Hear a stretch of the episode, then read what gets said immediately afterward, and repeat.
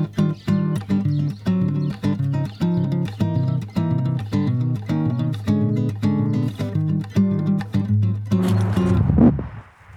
heeft gevroren. Ik loop hier uh, achter op het land. En gisteren is uh, ja, het, grootste gedeelte van, het grootste gedeelte van de grond dat uit de poel uh, is gekomen, is uitgereden. Ik loop nu overheen en het is kei en keihard. Wat echt super kicken is, is dat um, onze poel dus ook bevroren is.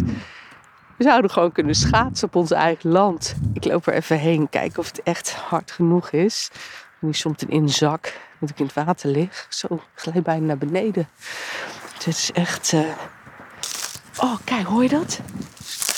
Oh, vet! Nou, het is nog echt niet dik genoeg. Je gaat er nog doorheen. Maar oh, dit is zo kicken. Oh, gewoon ijs. Ijs op mijn eigen grond.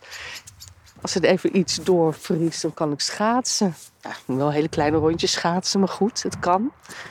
Nou, dan komt Mif, de kat, komt ook even kijken. Bruin is lekker aan het rennen. Bruinie, kom!